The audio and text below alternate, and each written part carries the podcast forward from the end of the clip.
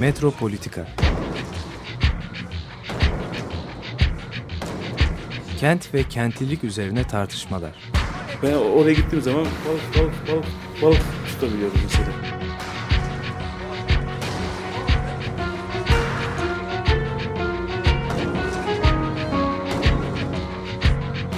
Hazırlayan ve sunanlar Aysim Türkmen ve Korhan Gümüş. Takusuyor ya. kolay kolay boşaltamadı. Yani elektrikçiler terk etmedi Perşembe Pazarı merkezini.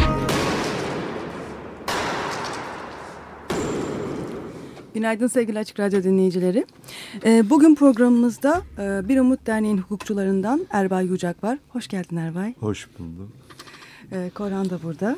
Evet Erbay'la biz e, epey geçmişten tanışıyoruz. Evet. E, deprem çalışmaları zamanında e, depremzedelerin haklarını, hukuklarını savunmak için Erbay gönüllü olarak deprem bölgesinde çok uzun süre çalıştı. Ve bu deneyimin e, ışığında belki ondan önceki deneyimlerinde hatırlıyorum bir takım mahalle çalışmaları falan da vardı. Bir Umut Derneği ortaya çıktı zannedersem değil mi? Evet. Kurulmasına yol açan Evet, süreç Evet. bu. Ee, Şimdi e, son dönemde bu ok meydanı ile ilgili e, bazı gelişmeler var. Ee, Sizin de sanırım bir hukuki yolunuz var. Ee, Bu ok meydanında neler oluyor ve e, bu e, dava dilekçeniz nasıl yazıldı, ne- neler oluyor? Biraz onlardan bahsedelim mi? Ok meydanından girelim belki diğer alanlara da geliriz. Olur. Ama ilk önce belediyenin de bir proje niyeti var. Yani bu davanın açılmasına bir plan yapıldı Evet, değil mi? evet, evet. Bir bölü binler e, ona- Beş binlik yapıldı, binlik askıda. askıda şu anda ve CHP'nin de galiba itirazları var Evet. ona. Mahalle Derneği'nin e, Evet. ve CHP'nin ayrı ayrı. Evet bir de fikir vermek için şunu hemen girişte söyleyeyim. Evet, yani evet. Tarlabaşı projesinin yaklaşık 80 katı büyüklükte 1 milyon 600 küsür bin metrekarelik muazzam dört mahalleden oluşan e, bir alanın tümüyle yıkılıp yeniden yapılmasını belediye öngörerek bir proje hazırlamış değil mi? Evet. İtiraz da buna zannedersem. Evet.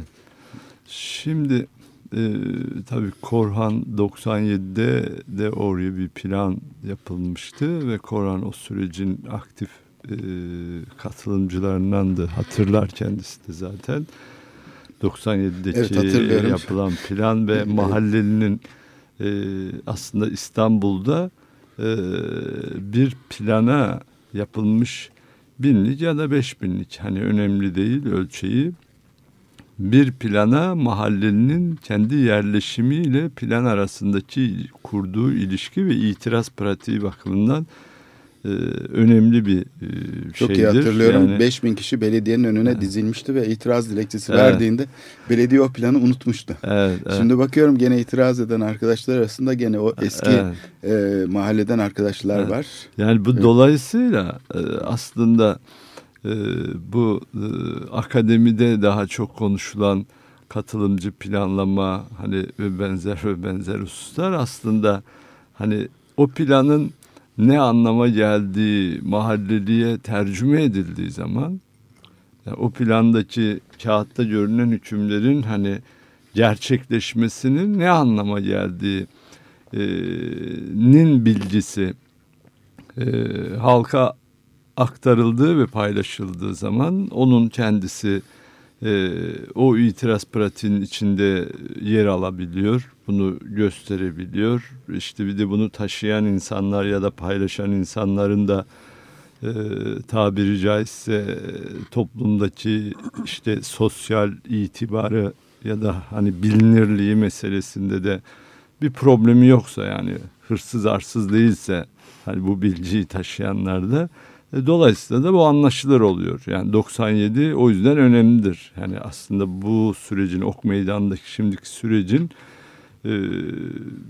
başlangıcını 97 saymak lazım. Yani 97'de olan o itiraz pratiğinin e, devamı olarak mahalleli aslında buraya dönük yapılan plan, planlama, feragatname alma gibi çeşitli çeşitli girişimleri oldu belediyenin 97 sonrasında. Bu da son girişimi. Yani bunun öncesinde de çeşitli girişimleri oldu. Ama böyle girişimleri olduğu zaman ne yapıyor diyelim ki ok meydanındaki insanlar? Hemen orada işte bir çevre koruma dernekleri var. Farklı farklı dinamikler var. işte hemen toplanıyorlar. Kendilerinin işte güvendiği ya da fik, fikrini almak istediği insanları buluyorlar, çağırıyorlar, başlıyorlar büyük toplantılar e, hani yapmaya. Bu aslında bir bilgilenme, katılım, politika oluşturma üçünün de bir arada gittiği bir şey oluyor. Ne derler? Evet burada şöyle oluyor. bir e, farklılığa işaret ediyorsun. E, ben de bunun altını çizmek isterdim doğrusu. E, yani bizim gibi mimarlar, plancılar, hukukçular, şehirle uğraşan insanlar, kültür insanları falan bu tip insanların genellikle bugüne kadar planlara yaklaşımı çok teknik düzeydeydi. Yani bilime uygun mu değil mi falan. İlk defa zannedersem 87 yılında Galata'yı yıkmak istediğinde Bedrettin Dalan işte bir e, Bilsak'ta toplantılar yapan o zaman Yeşil Dayanışma diye bir grup vardı. Ben de onun içindeydim. O zaman biz dedik ki halka anlatalım. Yani biz kendimiz itiraz edersek çünkü bu olmuyor. Belediye başkanları ne kadar hani şey yapsa, üniversite öğretim üyeleri falan ya böyle Galata'da yıkım yapılmaz. Çünkü Bedrettin Dalan o zaman şey diyordu yani kule önemlidir, tarihi bir eserdir ama bana hocalar söyledi. Buradaki bu yapılar eklektiktir. Bu Levanten yapıları 19. yüzyıl sonunda yapılmış zaten. Bunların mimari değeri yoktur. Bizim ecdadımıza ait değildir. Yıkabiliriz. Hani bunu tarlabaşı yıkımlarında da söylemişti. Galata'da da böyle söyleyip sadece kuleyi ortada bırakacaktı neredeyse. O zaman halkla iletişim kurdu ilk defa bir sivil girişim ve o sayede o yıkımlar engellendi. Çünkü karşısında belediyenin halk çıktı. Şimdi bu Ok Meydanı Piyalepaşa arasındaki bu merkezi iş alanına çevirmeye e, hedefleyen o plan ki o da Dalan zamanında başlamış onun çalışmaları da onu sonra öğrendik. Yani Refah Partisi iktidara geldikten sonra belki uygulamaya konmak istendi ama tabii değişmiyor aslında. Siyasi partilerin kent mekanına bakışı aşağı yukarı aynı. Hiç orada muazzam bir süreklilik var. Yani hepsi bakıyorlar ki bu kentte nereye işte böyle bir değişiklik yapalım da işte politika bu şeyle birlikte merkezi Aslında siyasi partiler hani Evet. o mekanı öyle çalışarak gelmiyorlar. O mekanı çalışmış olan sermaye güçleri var. Onlar bahçe. Hazır bekliyor onlar. Onlar bahçe. O Onlar zaten değişmiyor. o değiştikçe onu zaten önüne yapması gereken iş olarak koyuyorlardır. Usul Fena- ve yöntemler Evet. Onlar da tabii saklı. Siyasetçi değişse de hatta ilk başta eğer siyasetçi bu işi bilmiyorsa öğretmek için de biraz uğraşıyorlar. Evet, evet.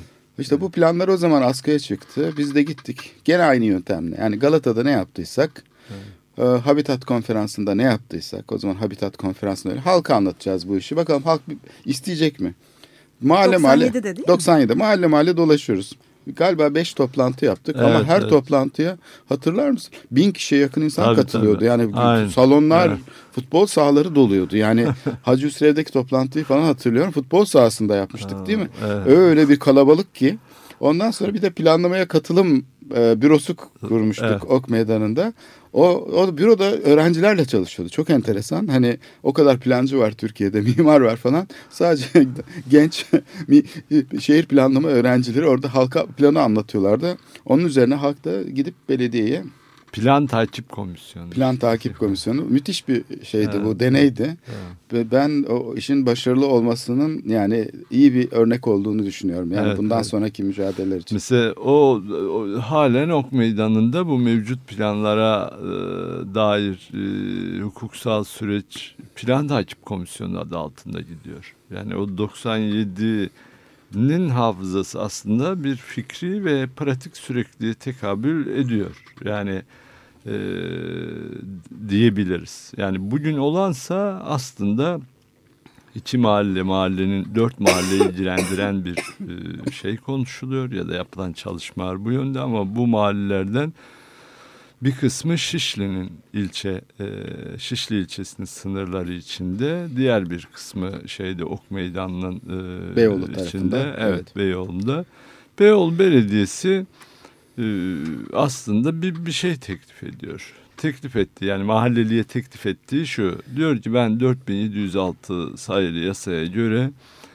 burayı üstünde yaşayanlara devredeceğim. Buradaki diğer mülkiyet meselesini çözdüm ben. Hazineden ben bunu devraldım. Devraldım. Burada Dolayısıyla be- belediyeler yetkili oldu şimdi. Evet. Dört e, burada sit alanları vardı. Sit alanlarının alanını da daralttım.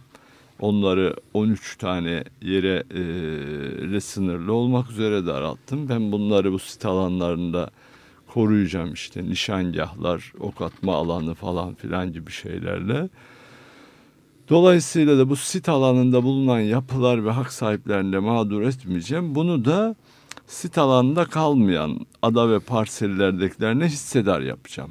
Ee, şimdi birincisi bu diyor. İkincisi 1.4706'ya göre devredeceğim diyor. İki, bu sit alanlarındaki çok yaşayın. Bu sit alanlarındakilerini diğer tarafa hissedar yapacağım, ortak yapacağım diyor. İkincisi. Üçüncüsü de ben burada bir inşaat şirketi kuracağım e, ve bu inşaat şirketi eliyle burayı e, yıkacağım, yapacağım.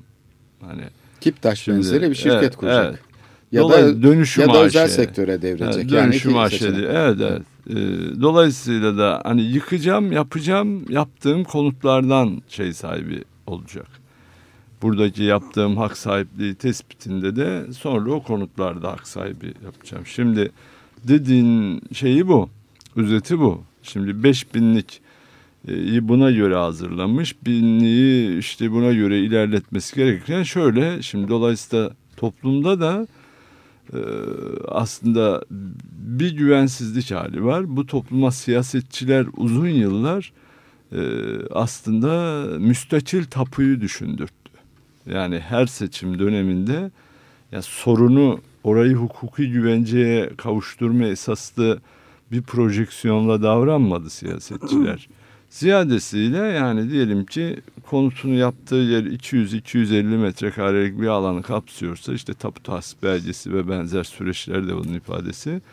Ona hep şu hayali gördürdü.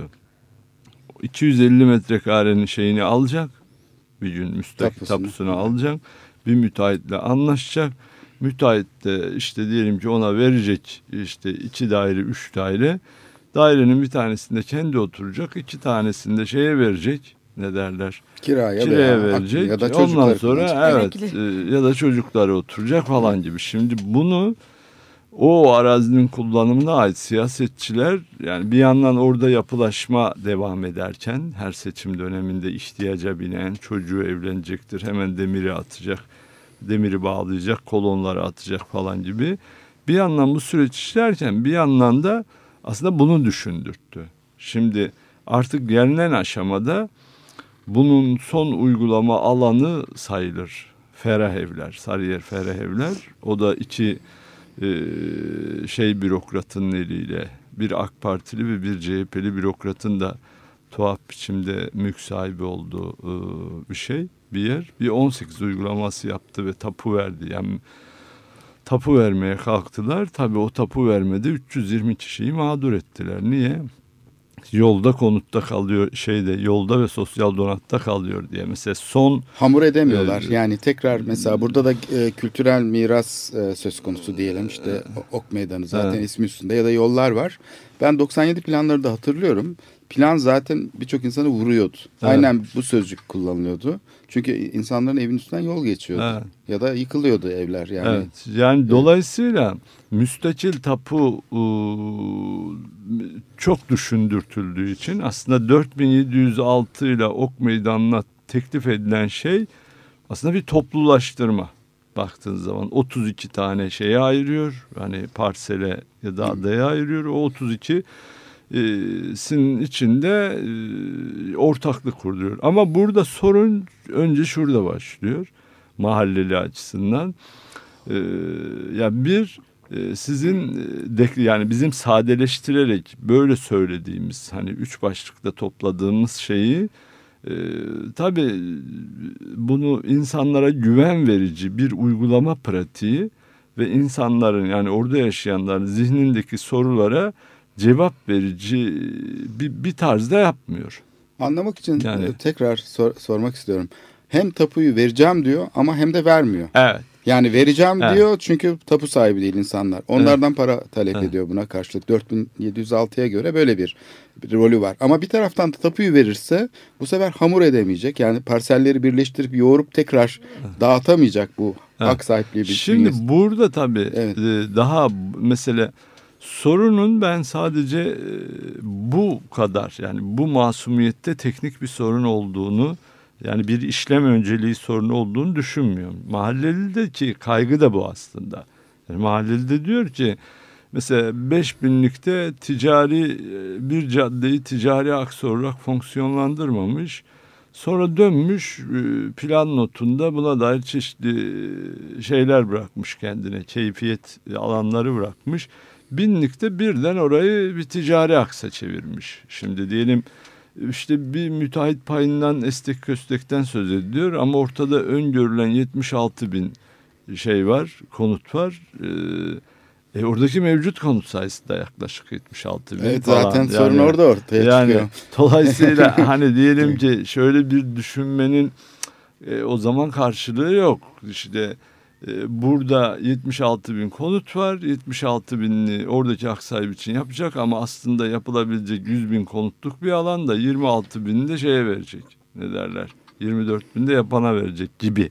Yani bu şimdi kabul edilebilir bir şey mi değil mi'den bağımsız. Yani sırf belediyenin Mantık kendi olarak. projeksiyonunu anlattığı projeksiyondaki tutarlılık bakımından şimdi bu kadar kaba hani tutarsızlıklar olunca yani bu kadar hani diyelim ki illa bir plancı gözüyle bakmak gerekmiyor, mimar gözüyle bakmak gerekmiyor, hukukçu gözüyle bakmak gerekmiyor. Yani kaba olarak sen kaç kişiye hak sahibi yapıyorsun? Nerede binalar yapacaksın? Kaç tane daire yapacaksın? Bunu nasıl yapacaksın? Hani üç tane soruyu orada yaşayan her insan sorar. Ka- katılım ve şeffaflık denen şey bu aslında değil mi? Evet. Evet, e, diyelim ki bunu sorduğu zaman onun yazdığı, çizdiği, sunduğu belgelerde bunun izini görmüyor. Yani bunun cevabını almıyor. Şimdi bu cevabını almayınca da bu bir problem. Yani dolayısıyla da önünüzde iki yol kalıyor. Ya belediye başkanının bana güven güvenin gerisini merak etmeyin hani e, evet sözü hani ben işte Baba belediye e, evet, başkanı. Evet, Evet. taahhüt ediyorum bu Evet. sözü ya da e, siz yani bunu hukuksal müdahalelerinizle, demokratik müdahalelerinizle onun e, na bunu düşündürürsünüz. Hani hem yasal belge düzeyinde hem diyelim ki kamuoyu bilgisi e, ve ortak bilgiye dönmesi düzeyinde onu buna me- mecbur edersiniz. Bir şey demesi lazımdır artık. Bir şey demesi icap eder. İşte orada e, aslında ok meydanların yani bir 5000'lik plana dava açma nedenleri pazartesi günü açtılar bu. Çünkü binlik plana attığı çeşitli şeyler vardı. 5000'likte düzenlemeyi binlikte düzenleyeceğini söylediği onları da düzenlememiş. İşte mesela bir de 100 binlik, 1 bölü 100 binlik çevre düzeni planı hükümlerinde bu tür dönüşüm, iyileştirme falan filan gibi hani bu tür uygulamalarda e, geri ödemenin hani onun diğer planlama etaplarının açık belirgin e, olması üst ölçek plan hükmüdür zaten. Yani e, dolayısıyla da e, burada binlikte de bütün bunlar olmayınca aslında insanlar binliği beklediler bir miktar. Hani çözümlen sonuçta ok meydanında bir düzeyde çözümlen taraf yani çözüm istiyor o da. Tabii. Yani işte ama onu binlikte de göremeyince binlik askıda şimdi. Sonra işte bu pazartesi günü e, mahallenin açtığı dava süreci e, başlamış oldu. Benim burada e, şimdi izlediğim kadarıyla yani buranın da e, yeni plan ya da daha önce plan yoktu zaten ama yani mevcut yapılaşma miktarı şu kadar.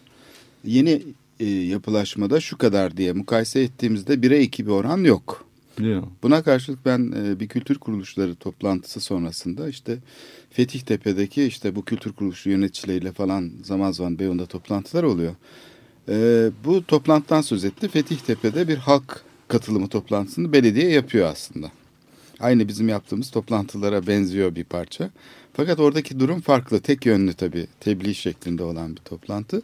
Orada e, şöyle söylüyordu belediye başkanı halka. Yani bu zannedersem o çevrede bir otel inşaatının yapan bir inşaat şirketi de var. Bu inşaat şirketi de e, bu işte yer almak istemiş. Özel sektör bir Alman ortağı varmış falan. E, bunlar gazetede de yer aldı. E, demiş ki bu kuruluşa yani sen bu şeyi e, bu kadar metrekareyi geri vermek için benden ne istersin? İnşaat yaparsan burada. O da demiş ki 1'e 2 inşaat şirketi. Fakat burada 1'e 2 hak yoktu. Ben gittim e, Büyükşehir'e. sizin haklarınızı savundum diyor belediye başkanı. Yani sizin adınıza buradaki imar durumunu siz savunamazsınız değişmesini. Yani şu anda orada kaç milyon metrekare konut var diyelim ki hani e, 1 milyon 1 milyonun üzerinde, E, bu hakkı iki misline çıkarması yani 2 milyon hmm. metrekareye çıkarması lazım ki inşaat şirketi bu uygulamayı yapabilsin. E, bunu vatandaşların yapma imkanı yok. Dolayısıyla ben sizin haklarınızı koruyorum diye çok e, şey bana güvenin. Hani siz karışmayın diyor yalnız. Yani şöyle tabii şimdi aslında daha açık görmek gerekirse bu riskli alan, kentsel dönüşüm, kentsel yenileme pratiklerinde e, mevcut diyelim ki temsili siyasetin e, aktörleri ve bugüne kadar toplumla kurduğu ilişki biçiminin ya olduğu haliyle en yaygın biçimde yeniden üretildiği bir süreç olacak ya bu temsil siyasetin aktörleriyle toplum arasındaki ilişkinin kendi çıkarları temelinde daha demokratik biçimde süval edildiği bir süreç olacak. Aslında hani bunun e, sırf mekansal etkisi yok. Yani bu toplumun kendi gelecek, yani toplumsal ilişkilerin tabiatında bir gelecek gözüyle baktığınız zaman çünkü insanlar için en değerli şeylerden biridir. Yani mülkü hele İstanbul'da yaşıyorsa ve şehirde yaşıyorsa, kentte yaşıyorsa. E, dolayısıyla ya ya bu eskiden ola gelen ve üzerine onlarca söz söylenen hani bu toplumun hani bilinçlenme işte işte uyanık olma bir toplumsal demokrasi yani bir demokratikleşme bilincinin daha toplumsal düzeyde yayılımı, bunun önündeki maniler, engeller, onun iktidar algısı, otorite algısı gibi hani hususlar konusunda ya bu, bu kadar yaygın, bu kadar toplumun kendisi için, toplumun en sıradan e, hayatında, en olağan hayatında önemli bir yer tutan evi, yolu, sokağı işte akrabaları bütün bunları etkileyen bu tür bir mekansal müdahale karşısında ya işte Korhan'ın demin dediği gibi belediye başkanlarının ve bu tür temsili siyaset aktörlerinin takdimine e, itibar edecek. Yani o biliyorsa doğru biliyor. E zaten politika ee, bu. Yani evet. mekan üzerindeki e, politika e, bu şeyin siyaset e, şeyinin sahnesinde aslında bir parça bunun bölüştürülmesi. Evet. Yani, yani ya e, evet o diyorsa doğru diyor benim çıkarımda bu kadarmış fazla da benim şey yapacak bir durum yok ya da o müdahalenin bulunduğu alan ve civarındaki insanlar bir araya gelecek kendileri bir çıkar tarif edecekler bir fayda tarif edecekler. Şimdi bu faydanın sadece kendi sokağıyla sınırlı olup olmaması, kenti gözetip gözetmemesi, o toprağın aynı zamanda kendisini İstanbulluya anlatması bu ifade etme pratiğinin aslında sosyal, demokratik hani daha işte diyelim ki bütün bakıp bakmama konusundaki böyle Adalet. şeyleri. Evet. Adalet evet. anlayışı açısından bu çok önemli. Evet. Şimdi mesela diyelim ki e, o yüzden e, ok meydanı gibi e, süreçlerde ya da genel olarak İstanbul'da olan bu süreçler konusunda bir de bu meselede e, toplumun bir çözüm çözüm talebi olduğunu görmek lazım. Yani toplum e, artık şöyle bir şeyden kurdu. Ha diyebiliriz ki toplumun çözüm talebi nereden türüyor? Bu birçok yerden türüyor aslında. Yani İstanbul'da artık e, daha e, spesifik kalmış gece kondu alanlarından bahsetmiyoruz. Hani bahçesi olan, ağacı olan, sokağı olan, tek katlı, iki katlı hani gibi e, yerlerden bahsetmiyoruz. Bahsettiğimiz yerlerde 4-5 katlı yapıların olduğu, dolayısıyla da burada park ve benzer ve diğer kentsel hizmetler kalitesinin şey olduğu, hani diyelim ki düşük olduğu yerlerden bahsediyoruz ve buralara hizmet götürülmemesi ve bu tür yapılaşma süreçlerinin yönetilmemesi kasten yapılmış şeyler. Yani hani ora ilelebet sürsün diye değil aslında bir dönemin konut meselesini çözmek için hani e, bu yolu seçmiş. Şimdi dolayısıyla buralarda insanlar bir çözüm istiyor, yerinde çözüm istiyor. E, aslında bu anlaşıldığı için 4706 merkez Beyoğlu Belediyesi'nin yaptığı şey bunu anladığı için yapıyor aslında. Yoksa seçmeni evet. olmasa o insanlar evet. Yani şeydeki gibi olsa hani bu pazar günü İKSV'nin e, bir gezi vardı İstanbul'un çevresindeki dönüşüm alanları işte Ayazma'ya gittik. E, bazı şey mahallelere gittik. E, İstanbul'un yeşil alanları içinde de yer alan. Burada e, mesela bazı küçük yerlerde gece konduların yıkılmış olduğunu gördük mesela değil mi?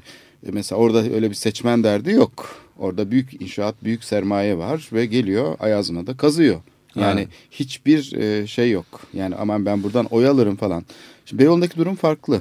Evet. Yani, evet. yani buradan e, 100 bin kişi yani belediyenin aslında belediye başkanının e, kaderiyle ilgili bir konu. Yani burada seçimi kaybettirir. Eğer kötü bir proje yap, yaparsa ve insanları mağdur ederse belediye başkanı bunun farkında demek istiyorsun bir parça. Evet, ya ben biraz yani bizim durduğumuz yer şu değil aslında. Hani kentsel dönüşümle ilgili meselelerde de iş cinayetlerinde de biz aslında mahallelinin bir mevcut siyasal e, etnik mezhebi saflaşmaya bağlı olarak e, bu süreçleri sürdürmemesi. Dolayısıyla da bir defa ortak çıkar tanımında e, bir, bir anlaşması ve bu ortak çıkar tanımı da aslında mekanla kurduğu ilişki birbiriyle Kamusal kurduğu ilişki. işlevi budur evet, evet, yönetimin evet. ama mesela Sulukule'de öyle olmadı.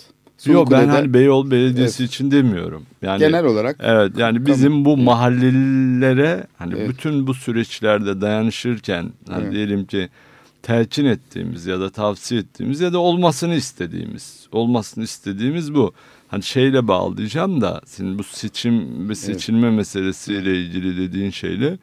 Dolayısıyla zaten toplum kendi talebini tanımlayabildiği ve onun etrafında e, organize olabildiği oranda organize olabildiği oranda temsili siyasetin e, onun altını bilerek çiziyorum. Yani bu siyaset demeyelim siyasetin temsili siyaset dışında da biçimleri var çünkü. Bu temsili siyaset aktörleri bununla etkileşiyor. Yani niyet senin dediğin hani bu o seçim hani yüz bin elli bin hani gibi e, şeylerle. O yüzden önümüzdeki bir yıl e, ok Meydanı da e, Beyoğlu'nun en şey ne derler en kalabalık seçmen kitlesinin hani olduğu Beyoğlu'nun yerdir. arka tarafı diyebiliriz çünkü yani evet. geçmişte 97'de belediyenin bu planları unutmasına neden olan şuydu. Belediye başkanı perdeyi aralayıp dışarıya doğru baktığında ki bir güruh da içeri girmişti. E, baktı ki e, aslında kapının önünde birikenler kendi seçmenleri. Yani Cihangirler değil ya da şeyler değil. Hani daha önce çünkü Cihangir işte Güzelleştirme Derneği falan hani 10 kişilik 100 kişilik ya da Mimarlar Odası ya da işte bizim dernek falan hani bir gösteri yapabilir. Bilime aykırı. işte gök kafes bilime aykırı falan diye böyle. Başka türlü hani gök kafes hatırlıyor musun? Bilime aykırı diye gösteri yapıyorduk 10 kişilik. Sonra anlatalım bunu halka deyince 5000 kişi geldi. Burada da öyle oldu. Belediye başkanının böyle yüzü şey oldu, bembeyaz oldu. Şeyi görünce ben bunu Radikal Gazetesi'nde Radikal 2'de yazmıştım. Yani karşısında o kadar insanı görünce belediye başkanının kafasına resmen sopa inmiş gibi oldu. O güne, o güne kadar çünkü itirazları hep şey diye bakın işte bunlar küçük bir e, seçkin sınıftır. Bunlar işte estetik bilmem ne falan derler. Yok bu sefer halk vardı sahiden. Kapıda neyse böyle hep anarak. Yani dolayısıyla bu gelinen aşamada ok Meydanlı bu tedirginliğini 5000'lik plana itiraz ederek bildirmiş. Ama bu itiraz belediye tarafından yeterince dikkate alınmadığı için yani bunu binlik plana da yansıtmadığı için pazartesi günü dolmakta olan dava süresini e, süresinde davasını 5000'lik planın iptal davasını açmış. Şimdi binlik planın itiraz süreci var binlik planı e, işte farklı meslek odalarından gönüllü insanlar ve bizlerin de içinde olduğu işte heyetlerle işte inceliyor. Sonra bu plana itiraz ve dava süreci. Ama bu itiraz ve dava sürecinin esas e, nedeni Beyoğlu Belediyesi'nin ortaya e, sunduğu bu çözüm politikasının insanlar tarafından taşıdığı müphemlikler, belirsizlikler ve bu belirsizliklerin giderilmesi konusunda toplumu ikna edebilecek daha açık e, sözlü olmaması.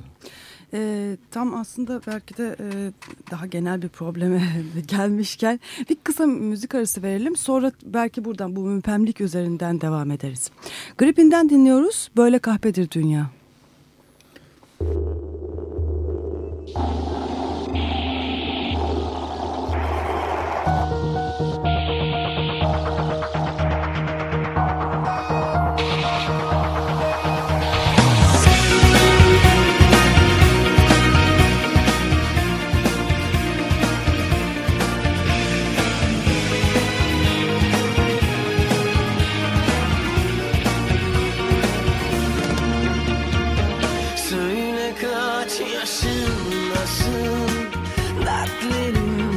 attention.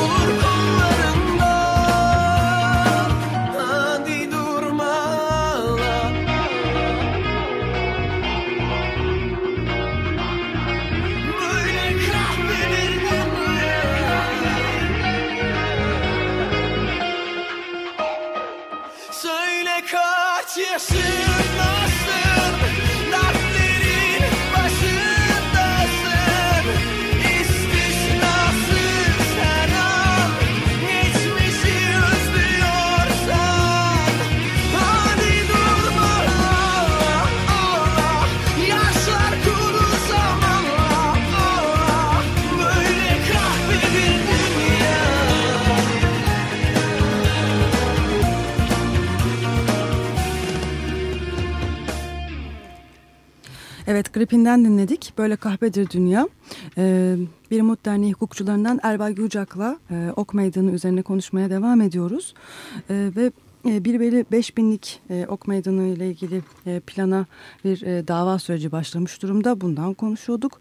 Ve e, bu davanın esas konusunun da aslında e, 1 bölü 5 binlik planda ve hatta 1 bölü binlik planlarda e, oluşmuş olan e, özellikle ok meydanlarının kafasında oluşmuş olan belirsizlikler.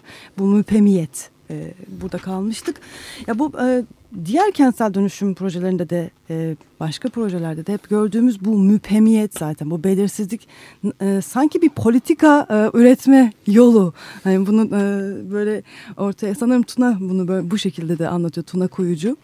E, yani bu aslında hani e, Kuralsız yanlışlıkla yapılmış bilerek yapılmış yanlış bilmeyerek ah aklımızdan ah e, yanlışlıkla diyecek bir şey değil tam da çok e, ciddi bir şekilde aslında politika üretmenin en başlangıç yolu değil mi bu müpemiyet? Tabii şöyle Grip'in şarkısına bağlı kalalım. Yani emekçiler için kahpe olmasın, dünya için bunları konuşuyoruz.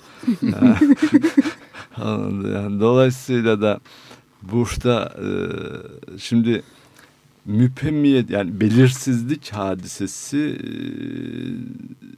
sürecin kendiliğinden ürettiği bir şey değil.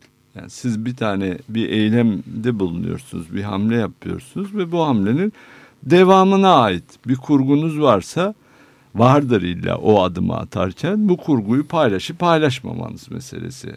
Yani dolayısıyla da bu e, spontane ve hani böyle çok e, doğal biçimde e, türeyen bir şey değil. Yani bu sizin tanımlamanız ve anlamlandırmanız bir defa bir oradan başlıyor. Yani orada sizin bir eyleminiz var ve o eylemle başlıyor. Şimdi mesela mahallelerde bu tür toplantılarda söyleriz biz. Yani deriz ki tapudan tapu istemeyin.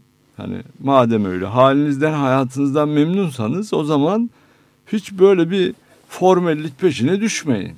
Yani tapuymuş mapuymuş falan filanmış hani zamanla da hani bunun kendisinin sağlıklaştırılması, iyileştirilmesi konusunda çeşitli daha bilinçli politikalar hani geliştirirseniz çünkü bir şey kayıtlı hale, formel hale geldikçe onun aslında mekanın kullanımdan değişime doğru yani, değer teorisi bakımından yani kullanım değerinden değişim değerine geçmesi ve hani aslında metalaşması dediğimiz şey bu bununla başlıyor aslında.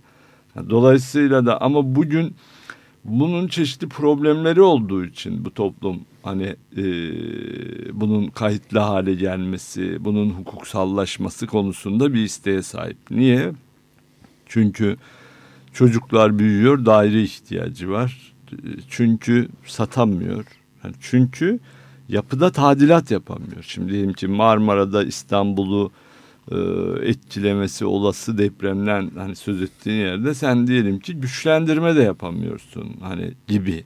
Yani gibi gibi gibi yani böyle bir bir sürü e, bir şey nedeniyle aslında bu tek başına yani toplumu anlamak tanımak bakımından tek başına tapuyu almak müteahhite vermek iki tane daire almak istiyor gibi bir kabalaştırarak tarif edilebilecek bir şey değil. Çünkü zaten kısıtlanmış ve bir, bir şeyin içine sokmuş ve içine girilen şeyi e, toplumun büyük çoğunluğu tarafından e, kendi lehine değişmesi lazım. E, yani dolayısıyla da şimdi bu beklentiyi bildiği için siyasetçi de ne yapıyor? Siyasetçi de bir tane hamle yapıyor. Yaptığı hamlenin devamı konusunda sahip olduğu kurguyu paylaşmıyor. Şimdi kurgusu olmaz da toplumla beraber hani olması gerekeni belirleyeceğiz işte bizim adına katılımcılık hani ve benzer dediğimiz pratiklerde süreci beraber şekillendireceğiz dese bu belirsizlik eyvallah bu çok doğurucu, yaratıcı bir şey çünkü beraber etkileşerek yapacağım bir şey. Ama burada bu hamleyi yapan toplumun beklentisini dikkate alarak onu yönetmeye dayalı bir şey yapıyor ve kurgusu var. Yani dolayısıyla da orada bir belirsizlik, orada bir müpemlik yok. Aslında hani müpem kılınan e, hani bir durum var. Peki burada pro prosedürel bir açıklık yok e, diyelim yöntem açısından. Çünkü e, işte diyor ki şirket kuracağım diyor. Bazı yerde işte zaten bir özel şirket giriyor devreye. Bazı yerde hak sahiplerine başka tip hak e, şeyler tanıyor. Bazı yerlerde hiç tanımıyor falan. Kiracılara falan. Şimdi burada bu müpemlik meselesini eğer şuraya doğru taşırsak normalde belediye başkanının e, şeyle birlikte yatırımcı ile birlikte hareket etmemesi gerekir. E, yani spekülatörlerle işe başlamaması gerekir. İlk önce katılımla karar süreçlerini geliştirmesi lazım. Yani fikir üretimini. Çünkü müdahalenin nasıl olacağına dair kimse bir şey bilmiyor. Ben şeyi biliyorum. Ok Meydanı'nda birçok insan inşaatını yaparken tam nitelikli proje hizmeti alamasa bile şeyden esirgemedi. İşte demir, çimento bilmem ne falan hani binayı sağlam yapmaya çalışan çok sayıda insan vardı. Ben izliyorum birçok gece kondu bölgesinde şeyi izledim. Yani aman ucuz olsun da işte kötü olsun falan değil. Özellikle kaba yapı Türkiye'de ucuzdur ve o yüzden de ona gerekli e, malzemeyi falan koydular. Belki yeteri kadar mühendislik, mimarlık hizmetleri alamamış olabilirler ama bazı yapıların mesela yıkılıp kazınıp tekrar bir kapitalistik dönüşüm içinde işte yüzde elli ile yüzde kırkla bilmem ne mal sahibine hak iade edilmesi yerine birçok yapıda aslında korunabilir orada. Yani bir rehabilitasyon çalışmasına gidilebilir ki birçok alanda Güney Amerika'da mesela örneklerde binaları sağlıklaştırmak için çok farklı yöntemler uygulanıyor. Yani kimse böyle bir yatırımcının perspektifiyle bakmak zorunda değil. Burada bir müphemlik yok dediğin gibi. Burada Türkiye'deki e, kamu yönetimleri nedense önce spekülatörlerle, yatırımcılarla anlaşıyor. Onların optiğiyle mekana müdahale ediyor. Bu ise kabul edilebilir bir şey değil aslında. Yani ilk önce kamusal nitelikli kararın oluşması lazım ki onun için de tabii ki planlama, fikir üretimi, yaratıcı süreçler var. Bütün yaratıcı süreçler yani sosyal hizmetler de dahil olmak üzere. Dolayısıyla bugün kentsel dönüşüm modeli kafasının üstünde ters duran bir model. Evet bak bunun mesela biz bir örneğini 99 depreminden sonra yaşadık aslında. Evet. Yaptık da. Hatırlıyorum. Ee, evet. Şimdi e, hükümet e, şehirde evi yıkılana yani tapulu evi olana şehirde ev yapıyordu. Yaptı işte o büyük afet konutlarını. Köyde olana ev yapmıyordu. Köyde olana evini yapana yardım kredisi veriyordu. Evini yapana yardım kredisi de o zaman 6 milyardı. 5 hak edişte veriyordu. 6 milyarla temel bile yapmak şey değildi. Mümkün değildi. Bir de siz önce yapıyorsunuz sonra e, o hak edişi alıyorsunuz. Yani işte pursantaj esasıyla olduğu için. Biz o zaman o dayanışma faaliyetlerinin içerisinde Düzce'de üç tane köyde e, işte o üç köyü ikna ettik biz. Yani yani anlattığımız fikir de şuydu işte rahmetli e, Memik abi e, vardı o zaman. Memik yapıcı. Sevgili Rahmetli, Memik hepimize evet, evet, yardım için koşardı o her Evet, konuda. Rahmetli Evet. e, kendisini Genç yaşta analım. kaybettik, evet. Evet. bu vesileyle. E, şimdi o zaman biz e, ne anlattık? Temel bir şey anlattık. Herkes birbirinin evinde çalışacak. Aldığı kredi ortak bütçede toplanacak. Bir de dışarıdan bir yardım imkanı. Hollanda'da Türkiye'lilerin bir eyalette topladığı bir yardım vardı.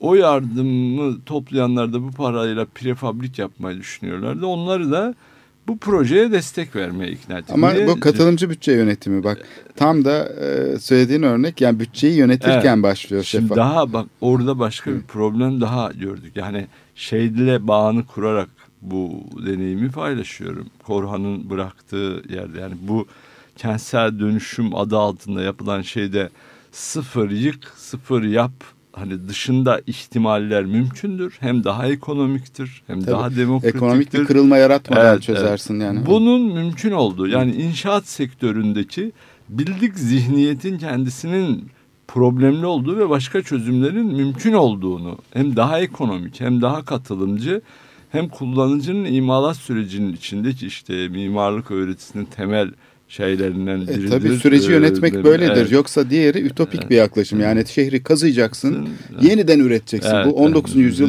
Biz- modeli yani. evet. Evet. Biz orada bunu ikna ettik köyleri ama bir sene sürdü. Yani Evet. Çünkü inşaatın imecesi olmaz derlerdi. Hadi Mısır'ın imecesini anladık işte tarlada toplanacağı zaman hasat zamanı. İnşaatın imecesi bir buçuk yıl. yani, yani ve biz e, mesela o süreçte e, bayındırlık bu krediyi veriyordu. İnanmadılar mesela. Yapılamaz dediler, yapamazlar dediler. İnşaatlar güvensiz olur dediler. Başında bir de inşaat mühendisi arkadaş vardı. Yani dolayısıyla yani bütün o olmazlara rağmen oldu. Ne oldu sonuç? Yani bir, mimari tasarımdan tut diğer yapı malzemelerine kadar bütün süreçlerine kullanıcıların tek aile temsiliyetiyle değil bütün bir aileyle katıldığı bir süreç oldu. İki, 20 kilometre karelik alana yayılmış ve kendi gösterdikleri yerde zemin koşulları da dikkate alınarak yapılmış evler oldu. Üç, bir buçuk yılda bitti. Dört, bayındırlık hak edişlerine göre 43 milyar olan evlerin maliyeti 11 milyara. Birinci etap e, 7,5-9 milyar arası. ikinci etap 11,5-13 milyar arasına e, çıktı. Dört, e, yani kendi evinin yapı malzemesini tanıdığı için evinde memnun olmadığı bir şikayeti oluştuğu zaman hani ona neyle müdahale edeceğini diyelim ki bilir e, oldu. Evin kendisinin ileride parası pulu oldukça nüfusu arttıkça köy yeri olduğu için oynanabilir. Yani Değişebilir, ki, esnek evet, oldu ortaya. Evet. Şimdi diyelim ki bu e, ben şimdi inşaatçı değildim. Ben hani hukukçuydum. Hani orada da dayanışma için gitmiştik ama durum şeyi böyle çıkardı. Biz bunun üzerine mesela kiracıların e, mülk sahipleri konutlara geçince kiracılar prefabriklerde kaldı. Bu kiracıların prefabriklerde kaldığı sürecinde kiracının çıkarmak istediler. Onun konut mücadelesine başladık. Türkiye'nin ilk kiracılar hareketi odur. Yani başka hani böyle kooperatifi olan talebi net tanımlanmış kendini buna göre Hakları e, ta- olan. ta- evet. tahkim eden falan. Ve onda bir neticeye e, vardık ve anlatılan test şuydu. Biz arsa ve uygun kredi istiyorduk. Yani imece evlerinin yolundan giden bir modelle şey yapacaktık. Ne derler? İnşaatları. İşte arsa tahsis edildi, usulsüzlük yaptılar, dava açtık, davayı kazandık. Şimdi işte mahkeme kararını yerine getiriyorlar. Tabii 10 sene sürdü. Yani 10 sene sonunda arsa tahsisini bekliyoruz. İşte belki de Türkiye'nin ilk e, katılımcı, imece usulü, dar gelirli ve emekçilere dayalı bir hani toplu konut modelini işte o zaman belki sizin bir programınızda hani arsa tahsis edildikten sonra e, Korhan'ın da e, mimarlık e, formasyonuyla da dahil olduğu bir şey konuşacağız. Ama burada bir şey gördüm mü? Yani kentsel dönüşüm böyle konuşurken mevcut kurulu yapılı alanda hani yeniden yapmaktansa yapılı alanda bütün bunu ortaya çıkarmak o kadar mümkün ki. Bak Gül Suyu Gülen Suyu da 2008'deki e, pi, kentsel yenileme e, içeren plana ilişkin biz dayanışmacı atölyeden hocalar, arkadaşlar 6 ay bir alternatif plan çalışması deneyimi oldu. Orada bir arazi ve yapı analizi kısmı vardı. Yani esas fikir de o yüzden burayı yık yap değil. Yani buranın kendisinin mevcutta korunacak. Yani daha küçük müdahalelerle korunabilecek onlarca tarafı olduğunu iki çalışmada gösterdiğiniz İkinci bunu. gösterdi. Şimdi Sulukule'de de mesela bu e, daha ilk e, şey başlarken henüz daha e, belediye adım atmamışken London College Üniversitesi hocaları geldi İstanbul'a ve işte teknik üniversitede onları gördük. Onlar da Sulukule'ye yaklaştıkları zaman böyle bir kazıma, yeniden villa yapma projesi değil küçük müdahalelerle ve insanların taleplerini dikkate alarak oradaki istihdam ilişkilerini, üretim şeylerini e, ve yaşama biçimlerini dikkate alarak evlerde yapılabilecek küçük müdahalelere dair örnekler gösterdiler. Yaşam kalitesini geliştirmekse amaç bunun kazıyıp altına iki tane arabalık garaj yapmak her evin altına bu zaten insanların orada yaşayamayacağını gösteriyor. O garajların maliyetiyle zaten e, insanlar onu karşılayamaz. Yani öyle bir yatırım öngörüyor ki bu bana şeyi hatırlattı. Bizim öğrencilik zamanımızda daha birinci sınıfta biz gece kondu bölgelerinde çalışmaya başlamıştık o zaman. O zaman bu şey vardı. Yani 12 Eylül darbesi olmasaydı belki de bu örgütlenme mantığıyla mahallelerde o zaman filizlenmişti. Yani sadece mimarlar da değil, sosyal bilimciler işte ya da öğrencilik şeyinde kültürle ilgili, sanatla ilgili insanlar falan. Belki hatırlarsın 1 Mayıs mahallesinde falan hep mahalle içinde çalışılıyordu. Ee, böyle binaları daha e, şey yapmak. E, dolayısıyla ilk yap- yaptığımız projeler de hep böyle apartman projesi falan değildi. Biz öğrenciyken hep böyle gelişebilir. Bu Biennale'de Giancarlo Di Carlo'nun 70'li yıllarda yaptığı projeler gibi ya da Manila yarışmasında olduğu gibi o meşhur şeylerin yani esnek e, konut modelleri. Taşıyıcı sistemi mesela bir kooperatif gibi bir sistemle yapıyorsun. Çünkü taşıyıcı sistem bayağı bir kamusal düzen gerektiriyor. Altyapı falan. Bu bir kooperatif düzeniyle. Ama ondan sonra içinde e, yapının içinde öyle şeyler sağlıyor ki mimarlar. İnsanlar kendi taleplerine göre, imkanlarına göre, isteklerine göre bazı müdahaleler yapabiliyor ve kendi mekanlarında daha keyifli bir ortam yaratabiliyor. Evet, evet. Kendi taleplerine göre şekillendiriyor yaşama çevresini. Oysa ki bugünkü dönüşümün mantığı pazar günü yaptığımız gezi yani bu Bienal kapsamında korkunç bir gidiş. Yani İstanbul öyle bir şey yaratıyor ki sadece tek bir dönüşüm modeli var. Yeniden yapmak. Çünkü inşaat sektörü bundan besleniyor. Ama bu yatırımcıların perspektifi, kentlerin perspektifi değil. Yani bu bakışı Saskia Sasen'in dediği gibi konut kurultayında kentselleştirmek gerekiyor dedi. Yani bugünkü sizin yaptığınız şey kentselleştirilmiş bir uygulama değil. Bu TOKİ konutları olsun, bu büyük sermaye ya da işte yatırımcıların kentte gerçekleştirmiş oldukları bu faaliyet kentlilere ait bir faaliyet değil. Onların sektörel bakışı. Yani sadece onlar açısından bakılan bir şey. Dolayısıyla bu şeyi bütün bu sosyal örüntünün içine oturtmak ve bunu yeniden düşünmek lazım. Çünkü bu dönüşümün politikasını biz pek konuşmuyoruz. Dönüşümün sonuçları üzerinden tartışıyoruz. İşte şurayı yıktılar, burayı yapıyorlar, burayı bilmem ne. Dönüşümün politikasını konuşmak için de bu Teddy Cruz gelmişti. Senin de konuşmacı olduğun bir dizinin içinde. Cuma, cumartesi, pazar günü üç tane etkinlik oldu Bienal kapsamında. Teddy Cruz'un konferansıyla açıldı. Kaliforniya Üniversitesi'nden işte San Diego'daki örnekleri falan anlattı. Orada da tipik yani bu 70'lerde başlayan Türkiye'deki bu mahalle hareketleriyle birlikte uzmanların ve şeylerin bir araya gelerek geliştirdikleri farklı bir seçeneği yani tek başına inşaatçı perspektifiyle gerçekleşmeyecek daha kentselleştirilmiş bir mantığı anlattı Teddy Cruz. İtiraz etmekten ibaret değildir bizim işimizde de. Mahalle hareketlerine ve şeyle birlikte politik ürünler ortaya çıktığı zaman siyasetçilerin etkilenmemesi mümkün değil dedi. İşte orada, İlla iktidara gelmek Tabii, gerekmiyor. tabii. Orada zaten mesele e, şöyle bir tabii süremizde doluyor. Süremizde dolduğu için ben şöyle bağlayayım.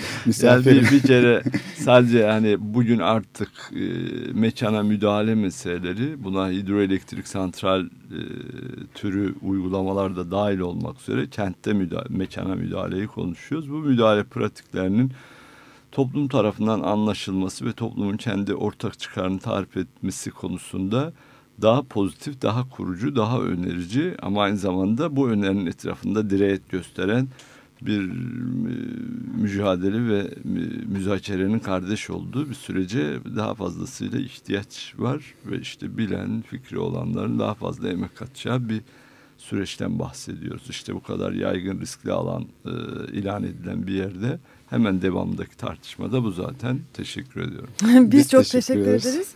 Ve e, sanırım bu ok meydanı, meydanında olan e, şu andaki bu e, binlerce insanın e, davası önümüzdeki günler için önemli bir deneyim e, yaratacak. E, takip etmeye devam edeceğiz. Ama orada tabii şöyle bir şey olmasın tabii. Yani o dava belirsizliğe karşı açılmış bir dava. Plan belirsizliğine. Plan belirgin hale gelince dava konusuz kalır. Yani gibi durumlarda cereyan edebilir yani onu bilemiyoruz. İşte Takip mücadele ve müzakere yani. Evet bu çok su kaldırır diyorsun. bu konu çok daha şey tartışılacak çok konu var. Tekrar görüşelim. Ee, bir Umut Derneği'nden e, Erbay. kurucularından Erbay Yücak'la Çok teşekkür ederiz. birlikteydik. Siz de teşekkür ediyorum. İyi haftalar de. dileriz. Hoşçakalın.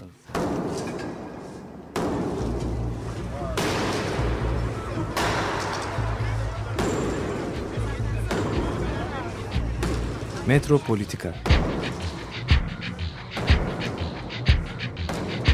Kent ve kentlilik üzerine tartışmalar. Ben oraya gittiğim zaman balık balık balık balık tutabiliyorum mesela.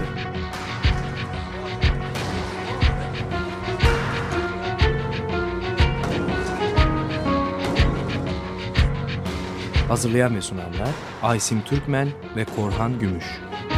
Takusu yok yani. Kolay kolay boşaltamadı. Yani elektrikçiler terk etmedi Perşembe Pazarı merkezini.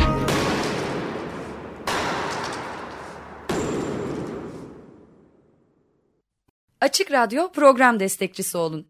Bir veya daha fazla programa destek olmak için 212 alan koduyla 343 41 41